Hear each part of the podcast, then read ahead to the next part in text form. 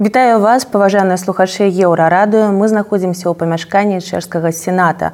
Я Марыя вайтович побач са мною сенатар старшыня камітэту замежных спраў абароны і бяспекі ў верхняй палаце парламенту чэшскай рэспублікі сябра грамадзянскай беларусі павел фішер прывітанне спадар пішер перш чым пачаць размаўляць пра такія больш актуальныя тэмы хочу скарыстацца момантам і запытацца што прывяло вас у палітыку ў 90-х годах і якія можа палітычныя грамадскія крокі дапамаглі чэхам захаваць сваю незалежнасць да гэтага часу і яшчэ я ведаю што вы працавалі у канцылярыі прэзідэнта васлава гавала якім вы можете ўзгадаць васлава гавала можа была нейкая прыватная цікавая гісторыя Já jsem se dostal do kanceláře Václava Havla tak trochu nedopatřením, náhodou. У адміністрацыю Вацлава Гавала я трапіў крыху выпадкова.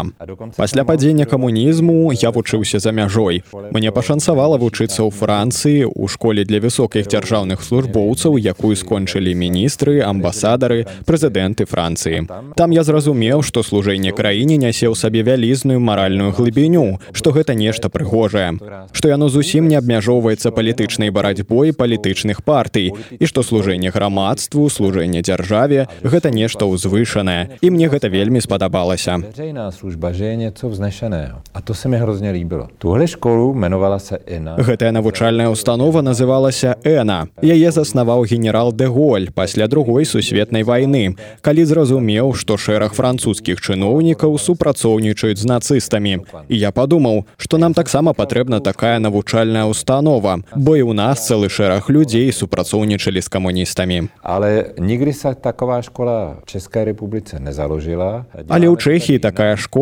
ніколі заснаваная не была. У нас гэта вырашаецца па-іншаму. Цягам навучання я зразумеў, што мяне гэтыя пытанні цікавяць і прыносяць мне вялікую радасць. Праца з вацлавам гавалам была фантастычнай, бо ён быў чалавекам з бязмежным пачуццём гумару. Ён успрымаў свет як творца. Ён любіў чытаць, але ў той жа час меў погляд мастака, нават на вельмі складаныя праблемы свайго часу. Яко умнелец і вельмі служіты праблемы добы. Takže zatímco банкеры нечо решили. І пакуль банкіры нешта вырашалі ён мог зірнуць на праблему і сказаць тут у вас нешта не сыходзіцца ён сказаў гэта напрыклад банкірам якія сабраліся ў празе на сусветны саміт мвф і сусветнага банка то бок дзвюх вялікіх арганізацый і вацлаў гавал вёў з імі дыскусію пазней выявілася што ён меў рацыю здарыўся фінансавы крызіс вацлаў гавал шмат займаўся пытаннямі экалогіі навакольнага асяроддзя пытаннямі культуры. Гэта быў чалавек які прыносіў новы погляд на пытанні якімі людзі займаліся. А з тоhle погляду то было про ней э, было міможадне заімаві протоже умел з гэтага пункту гледжання праца з ім была для мяне вельмі цікавай таму што ён умеў назіраць меў надзвычайнае ўменне працаваць з часам. Атрыманая дзякуючы працы ў тэатры ён цудоўна умеў працаваць з дыялогамі часта ставіў палітыку як спектакль але ж яна і сапраўды крыху тэатр Таму праца ў Вацлава Гавала была для мяне надзвычай натхняльнай і цікавай. А някі втіпны втіпнуў гісторку тех было былі тісіцы там смесе А смешная гісторыя такіх былі тысячы. Мы сапраўды часта смяяліся, хоць на першы погляд гэта было не відаць. З таго часу я ведаю, што той, хто ўмее смяяцца, хто разумее абсурд, а ён быў драматургам тэатра абсурду, можа штосьці прапанаваць грамадству, кіруючыся ўласным сумленнем. Вацлаў Гавал, на мой погляд рабіў гэта вельмі добра. У яго быў някіткі, амаль уразлівы выгляд чалавека, які ўмее прыстасоўвацца. Але калі вялося пра штосьці важнае, ён быў як скала. У гэтым ён быў фантастычны. Так было яко, яко скала, а в том было фантастычкай. Калі мы ўжо размаўляем пра абсурд, не магу не сказаць, што вось у Беларусі вырасла ўжо пакаленне людзей, якія не памятаюць сябе без лукашэнкі распавядзіце калі ласка як жыць у краіне дзе ўлады ўсё ж такі мяняюцца з цягам часам. І як так адбылося што мілош зэман якога называюць сябрам пуціна быў пры ўладзе аж там 10 гадоў. Што не так бо я не чула ад чэхаў добрых слоў у яго адрас толькі крытыку. Мілош зэман і феномен але je to феномен неном політыкі але соцыологіі про то же он мілаш зэман гэта гэта феномен. Але феномен не толькі палітычны але і сацыялагічны.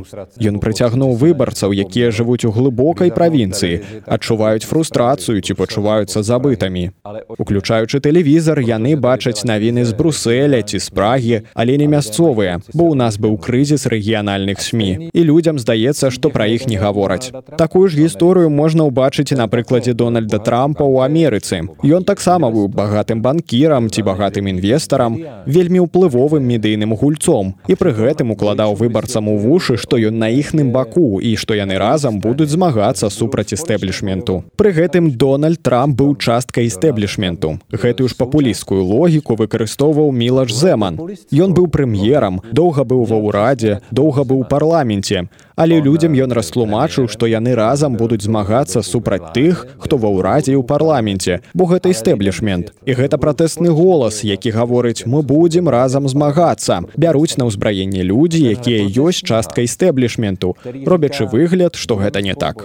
Бярou до руки třeba i lidé kteří jsou součástí establishmentu a tváří se že nejsou. Je to hra je to абсурдní hra. Гэта гульня абсурдная гульня. і калі мілаш зэман паказаў што хоча быць бліжэй бліжэй да Пуціна і пуцінскай рассіі да Китая і камуністычнай партыі Китая я вырашыў што не магу больш на гэта глядзець і нягледзячы на тое што мае шансы былі малыя я хацеў зрабіць свой унёсак бо ведаў наколькі сур'ёзная небяспека можа ўзнікнуць калі мы як дзяржава прымем такую палітыку мілаша зэмана ту політыку мелоша зэмана на сабе взяли яко рэпубліка. А мам радост же я рады што сёння мы маем прэзідэнта які бачыць сітуацыю па-іншаму і на эпоху мілаша зэмана сёння крытычна глядзіць цэлы шэраг людзей якія былі ягонымі прыхільнікамі я перакананы што вельмі небяспечна звязваць лёс краіны з пуцінскай рассіяй ці камуністычным кітаем. У гэтым сэнсе відавочна у якой небяспецы сёння знаходзіцца Беларусь. З того для погляду відзіме як вы важным небяспечі еднаска беларуска. Святлана ціхановская упершыню прыехала з афіцыйным візітам у чэшскую рэспубліку у чэрвені 2021 года. Па запрашэнні старшыні сената чэшскай рэспублікі мілаша выстрачыла што вас тады ў ёй уразіла Světlana Cichanovská byla v Senátu už virtuálně předtím. My jsme tady v místnosti... Светлана Тихановская была ў Сенаце віртуальна яшчэ да таго. Мы знаходзімся ў памяшканні, дзе праходзяць пасяджэнні камітэта па замежных пытаннях, абароне і бяспецы, якім я кірую. Там стаяў тэлевізор і праз кампутар мы ўсталявалі сувязь і зразумелі, што мы можам не толькі падтрымаць высілкі дэмакратычных сіл у Беларусі, але і прапанаваць Святлане Тихановскай мікрафон і магчымасць звярнуцца да парламента. Таму мы запрасілі яе ў чэхію пришла то позвání do České republiky. A v rámci toho jejího pobytu jsme ji pozvali k nám domů do rodiny. У рамках гэтага візіта мы запрасілі яе да нас дадому у госці дома былі дзеці і было відаць што і для іх гэта быў незабыўны вечар было цудоўнае надвор'е свяціла сонца святлана ціхановская была ў нас у гасцях не як лідарка якую ўсе ведаюць з тэлевізара а як жанчына як маці у якой ёсць сям'я муж якой абсалютна несправядліва сядзіць за кратамі з-за палітычных прычынаў. Трэба сказаць што гэта быў вельмі моцны момант і я ўспамінаю што дыскусія з сенатаркамі і сенатарамі была вельмі цікавая. Для нас усіх гэта быў важны напамін што свабода і дэмакратыя не прыходзяць самі сабой. Про všetky důležitý апел že свобода а дэмакрацыя найсу самозры Як вы думаеце пасля доўгай дыктатуры такая лідарка патрэбна беларусам. У вас ёсць добры прыклад з вацлавым гавалам. Калі яго абраў народ ён прыйшоў і быў любімым прэзідэнтам шмат гадоў. Я не разумім беларуску так аб іх могла радзіць. Я буду мовіць о вацлаву гавловы вацлав я не настолькі добра ведаю Беларусь каб даваць парады. Я буду гаварыць пра вацлава гавала. Ён трапляў за краты часта. Гэта быў чалавек які ў рамках палітычнай апазіцыі мы гэта называлі дысідэнцкім рухам умеў з павагай слухаць тых хто меў іншае меркаванне дзякуючы гэтаму ён паступова рабіўся асобай, якая ўмела не толькі слухаць, але і фармуляваць. Ён зрабіўся агменем палітычнай дыскусіі ў Чэхіі. Ён стаў чалавекам, які здолеў прыміраць людзей, якія між сопку не размаўлялі. Ён стаў натуральным лідарам і пазней, шукаючы кандыдата на прэзідэнта, мы зразумелі, што ён мог бы ім стаць. Так си вšichni уведомілі, že by to mohl být také on. Я не вім, як je dneska. Я не ведаю наколькі складаная сітуацыя ў беларусі сёння бо сам я там даўно ўжо не быў. Але з таго што я чытаў відаць што вы перажываеце неймаверна цяжкі перыяд у якім вам спатрэбіцца не толькі вельмі ясна назваць тых хто супрацоўнічаў з рэжымам хто пазбаўляў людзей свабоды і чыніў несправядлівасць а таксама весці дыялог з тымі хто захоча ўдзельнічаць у стварэнні вобразу беларусі у будучыні. І такія асобы як вацлаў гавел вам абавязкова спатрэбяцца podobě Běloruska do budoucna. A takové osobnosti, jako je Václav Havel, budete určitě potřebovat. Дякуем. Спадар Павел, я ведаю, што вы з'яўляецеся сябрам грамадзянскай Беларусі і вось ведаю, што ў лютым Сенат Чэшскай рэспублікі прыняў рэзалюцыю адносна рэпрэсіі ў Беларусі супраць грамадзянскай супольнасці і заклікаў прызнаць КДБ і губазік арганізацыямі, якія падтрымліваюць тэрарызм.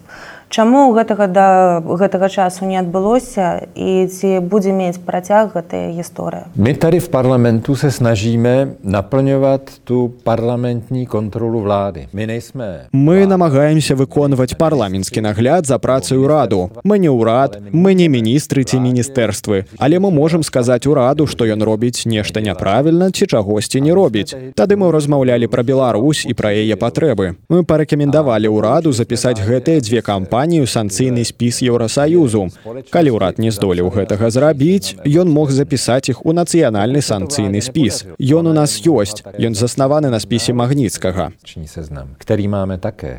У хуткім часе мы зноў будзем абмяркоўваць Беларусь у гэтай зале на пасяджэнні камітэта.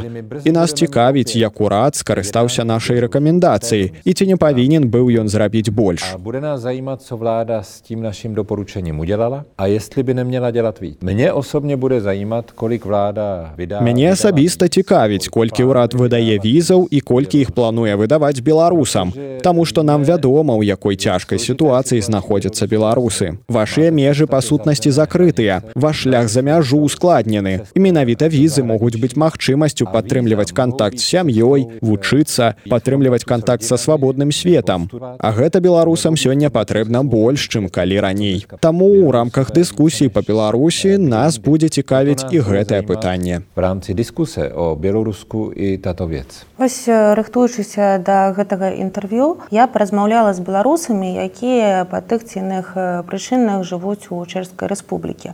І попрасила іх распавесці якія маюць там праблемы што ну, пытанні можа быць якія я магу сёння задаць Вось узгадалі такую гісторыю. 17 лістапада ў Чэхі азначаецца як дзень барацьбы за свабоду і дэмакратыю, але адначасова гэта дзень студэнцтва. У мінулым годзе ў гэты дзень вы разам са святланай ціханаўскай прамаўлялі ў нацыянальным тэатры падчас вывучэння уручэння прэміі памяці народа і згадалі ў сваёй прамове беларускіх студэнтаў. На вашу думку, Чэхія справядліва з імі абышлася, калі ўвяла візавыя абмежаванні і забароны на навучанне на некаторых спецыяльных спецыяльнасцях так это збольшага тычыцца магістратуры наколькі я ведаю і ці будуць нейкія паслабленні ў гэтым накірунку 17 листопад je v naší historii velmi důležité datum, protože to bylo datum, kdy se studenti zbouřili proti nacistické okupaci. Mluvíme o roce 1900. 17 лістапада ў нашай гісторыі вельмі важная дата, бо гэта быў дзень, калі студэнты паўсталі супраць нацысцкай акупацыі. Гаворка пра 1939 год. Нацысты зачынілі адправілі вНУ пратэстоўцаў адправілі альбо на расстрэл альбо высылалі ў лагеры а тыя хто заставаўся на свабодзе уцяклі за мяжу. І замежныя універсітэты адчынілі ім свае дзверы нават найлепшыя на свеце універсітэты і далі ім магчымасць давучыцца. Зрабілі настрыфікацыю іх іспытаў прапанавалі ім стыпендыі гэтак далей каб яны скончылі навучанне. І пасля гэтага студэнты змаглі працаваць на карысць тагачаснай чахаславаччыны якая была акупаваная. Для мяне гэты прыклад вельмі вельмі важны Таму што так як чахаславацкія студэнты знайшлі прытулак за мяжой і беларускія студэнты мусяць знайсці сёння прытулак напрыклад у чэхіі. Я размаўляў з некаторымі з тых колішніх студэнтаў і яны падрабязна апісвалі які надзвычайна великкадушны прыём чакаў іх у самых лепшых вНУ сёння наш абавязак даць магчымасць беларускім студэнтам вучыцца і давучыцца калі ў мінулым ім з палітычных прычынаў пагражаў пераслед ці выключ выключэнне з ВНУ. Pokud im hrozilo v minulosti třeba polit z politických dôvodů persekuce nebo vyloučení ze školy. Вы маеце рацыю, што чэшскі ўрад вырашыў зрабіць больш жорсткімі ўмовы для беларускіх студэнтаў. І гэта было накіравана не супраць іх, а ў адказ на агрэсію рассіі супраць Украіны. У гэтай агрэсіі Беларусь адк...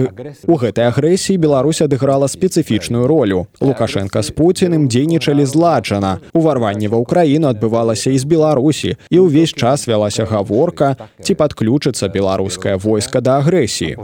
З прычынаў бяспекі Чэхія прыняла прынцып, што абедзве краіны, бо яны супрацоўнічаюць у ваеннай галіне, пагражаюць Украіне і могуць пагражаць нам. Так што прычыны былі звязаныя з бяспекай.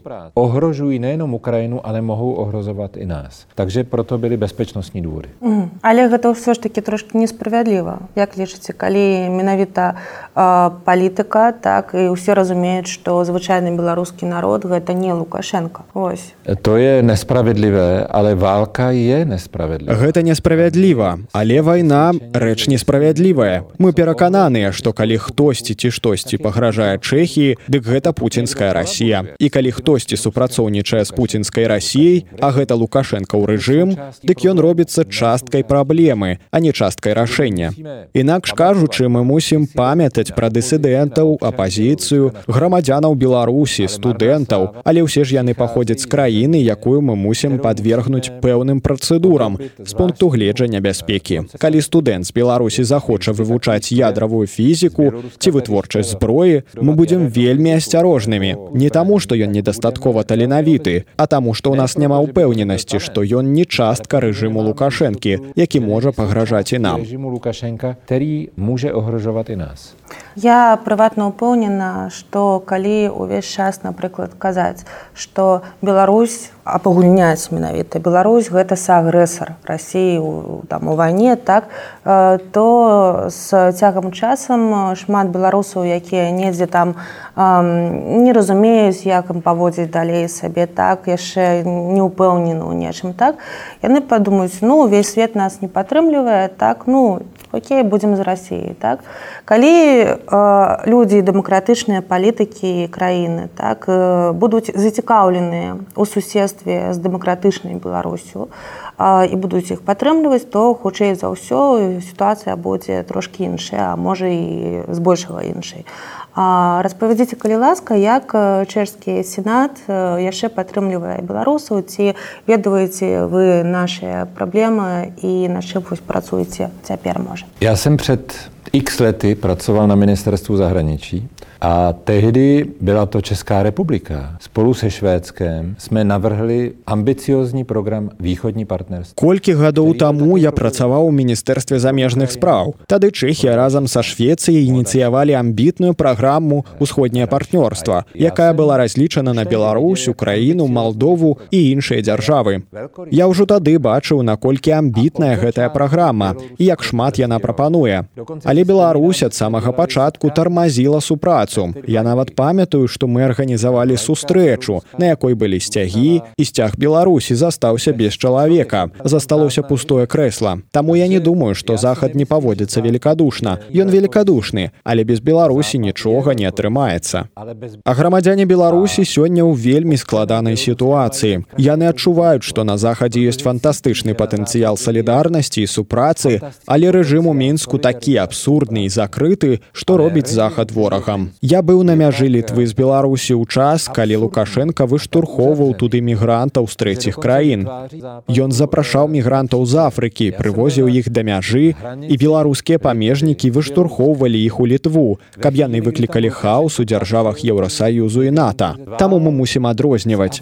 Хоць гэта вельмі цяжка. Рэжым і беларусаў. Рэжым у Беларусі гэта сапраўдны рэжым настолькі залежны ад рассіі, што мы не можам заплюшчваць на гэта вочы. З пункту гледжання гледжання ваеннага абароннага эканамічнага паміж імі ідзе шчыльная супраца. Мы бачым што грамадзяне беларусі терпяць ад гэтага. Але я нават не магу паехаць у Беларусь.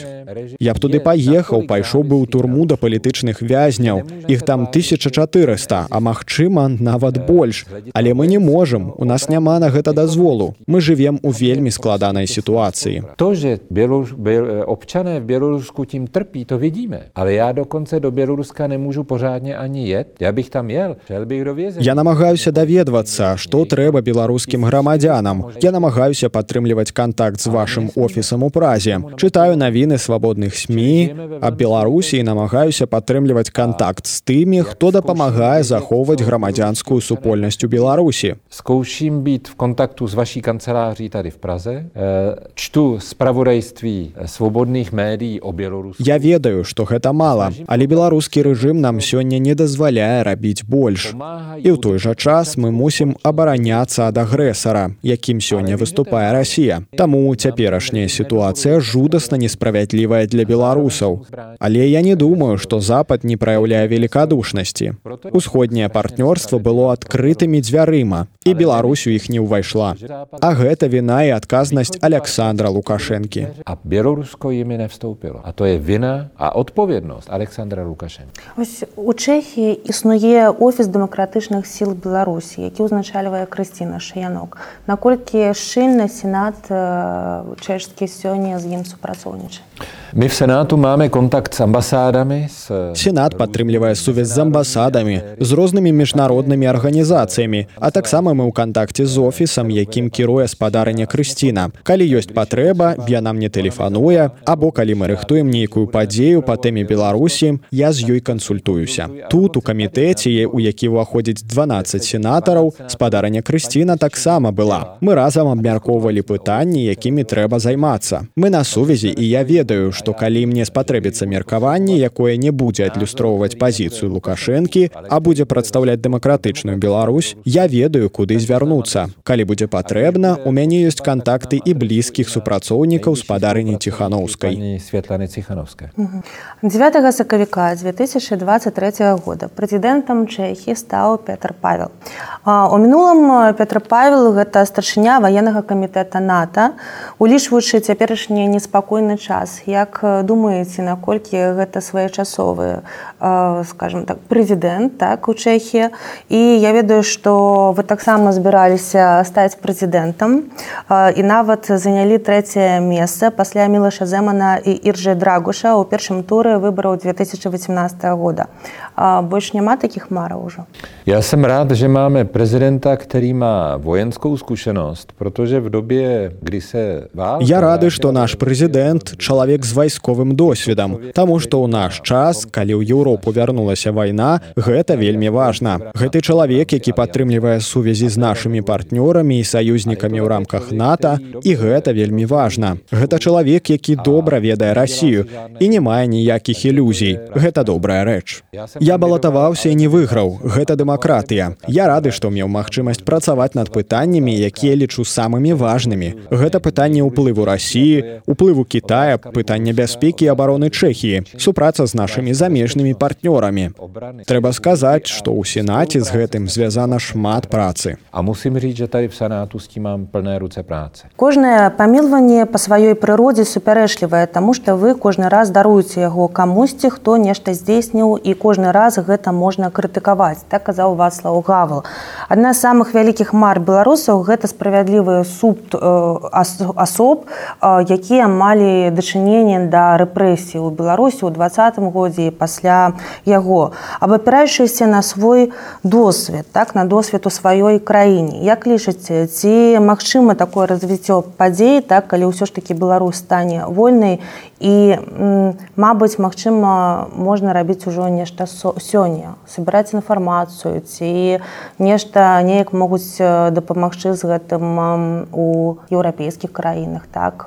Прыцягваць увагу да тых асоб якія катавалі і працягваюць катаваць людзей в беларусі. Právní stát znamená, že se pojmenuje nejenom podle jakých pravidel má fungovat společnost, ale že se pojmenuje také, kdo se dopustil jakého zločinu a je za to souzen a může se hájit. Прававая дзяржава азначае, што фармулююцца не толькі правілы, на якіх павінна грунтавацца грамадства, але і агучваецца тое, што і якое хто і якое злачынства ўчыніў і што ён мусіць паўстаць перад судом і мае магчымасць абараняцца. Каб такі працэс мог адбыцца, неабходна збіраць доказы, каб працэс быў evidence based, каб ён не засноўваўся на нейкіх успамінах, каб былі доказы. І ў гэтым надзвычайная гістарычная важнасць перыяду у якім Беларусь знаходзіцца цяпер si pohlídali, aby se zničily archivy. Takže část těch archivů byla neúplná. Ty velké ryby tam chyběly. A proto je potřeba i v Bělorusku eh, pohlídat, aby se ty archivní... У нас, як выявілася пасля 1989 года, самыя ўплывовыя людзі паклапаціліся, каб архівы былі знішчаныя. Таму частка архіваў была няпоўнай. Буйных персонаў у іх ужо не было. Таму і ў Беларусі неабходна парупіцца, каб архіўныя дакументы і доказы не страціліся. Над гэтым можна папрацаваць ужо сёння. Разам з тым, а гэта тычыцца і пуцінскай рассіі, я перакананы, што ў рассіі сёння немагчыма справядліва сфармуляваць праблему, якую Пуін стварыў і справядліва судзіць усіх суудзельнікаў. Таму неабходна па прыкладзе Пуціна і рассіі стварыць міжнародны трыбунал, які дасць рассіі магчымасць раскрыць крымінальныя справы мінушчыны, асудзіць злачынцаў і адчыніць для рассіі свабодны шлях без Пуціна у рамках прававой дзяржавы. Гэта дапамога, якую міжнародная супольнасць можа прапанаваць рассіі. Супрацоўнікі нашай ваеннай паліцыі цяпер працуюць ва ўкраіне і збіраюць доказы ваенных злачынстваў, якія з пункту гледжання міжнароднай юрысдыкцыі з'яўляюцца такімі і ў празе, і ў варшаве, і ў бруселі і ў Берліне. Менавіта гэта я маю на ўвазе, калі кажу пра кропку за мінушчынай з пункту гледжання законаў і крымінальнага права. Když mluvím o vypořádání s minulostí z hlediska zákonů a trestního práva. V případě Běloruska to může být podobné. Možná to budou Bělorusové sami, kdo tohle У выпадку Беларусі сітуацыя можа быць падобнай. Магчыма, беларусы дадуць рады самі, але магчыма, што ім будзе патрэбная дапамога такіх краін, як Чэхія, якія маюць досвед таталітарызму, а такіх краін на свеце дзясяткі, краін, якія ў рамках права і справядлівасці змаглі даць рады гэтаму досведу. Гэта доўгі працэс. Не заўсёды ўдаецца асудзіць усіх вінных, але гэта працэс, які неабходны для таго, каб у людзей не было адчування, што пануе бяспраўе. Гэта вельмі дрэнная перспектыва для кожнай краіны, а для Беларусі, у якой сёння такія праблемы пагатоў. By to byla špatná perspektiva dvojnásob. Вы бывалі ў Беларусі, а апошнія гады бачыце шмат беларусаў, якія пераехалі ў чэшскую рэспубліку. Тое, што яны робяць, як яны жывуць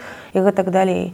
Ці ёсць нейкія непразуменні паміж звычайнымі чэхамі і звычайнымі беларусі беларусамі на тэрыторыі вашай краіны Když se máme možnost bavit například s policejním prezidentem, s šéfem policie v České republice, У нас ёсць магчымасць размаўляць з прэзідэнтам, кіраўніком паліцыі Чэшскай рэспублікі. Мы задаем яму пытанні па злачыннасці людзей, якія прыехалі сюды ў крызіснай сітуацыі, украінцаў і беларусаў. З пункту гледжання статыстыкі іх колькасць вялізная. Але з пункту гледжання злачыннасці гэта 0,0 з нечым працэнта. То бок з пункту гледжання злачыннасці гэта зусім няшмат. Наадварот, вашыя людзі могуць інтэгравацца і не спрыяць росту праблем, а нават вырашаць праблемы. Таму я думаю, што агулам чэхі ўспрымаюць беларусаў прыязна. Яны ўсведамляюць, які жахлівы рэжым Лукашенко усталяваў Беларусі. Я спадзяюся, што ў нас будзе магчымасць супольна рыхтаваць будучыню Беларусі і ў празе, бо тут апынулася вельмі шмат людзей свабоднай думкі.